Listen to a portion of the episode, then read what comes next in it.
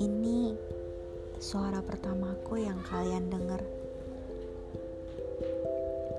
Tapi nanti aku bakal cerita semua pengalaman hidupku yang udah aku jalanin selama 20 tahun.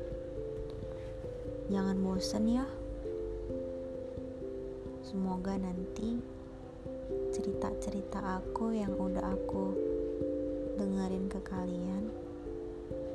bakal jadi motivasi dan pelajaran buat kalian semua.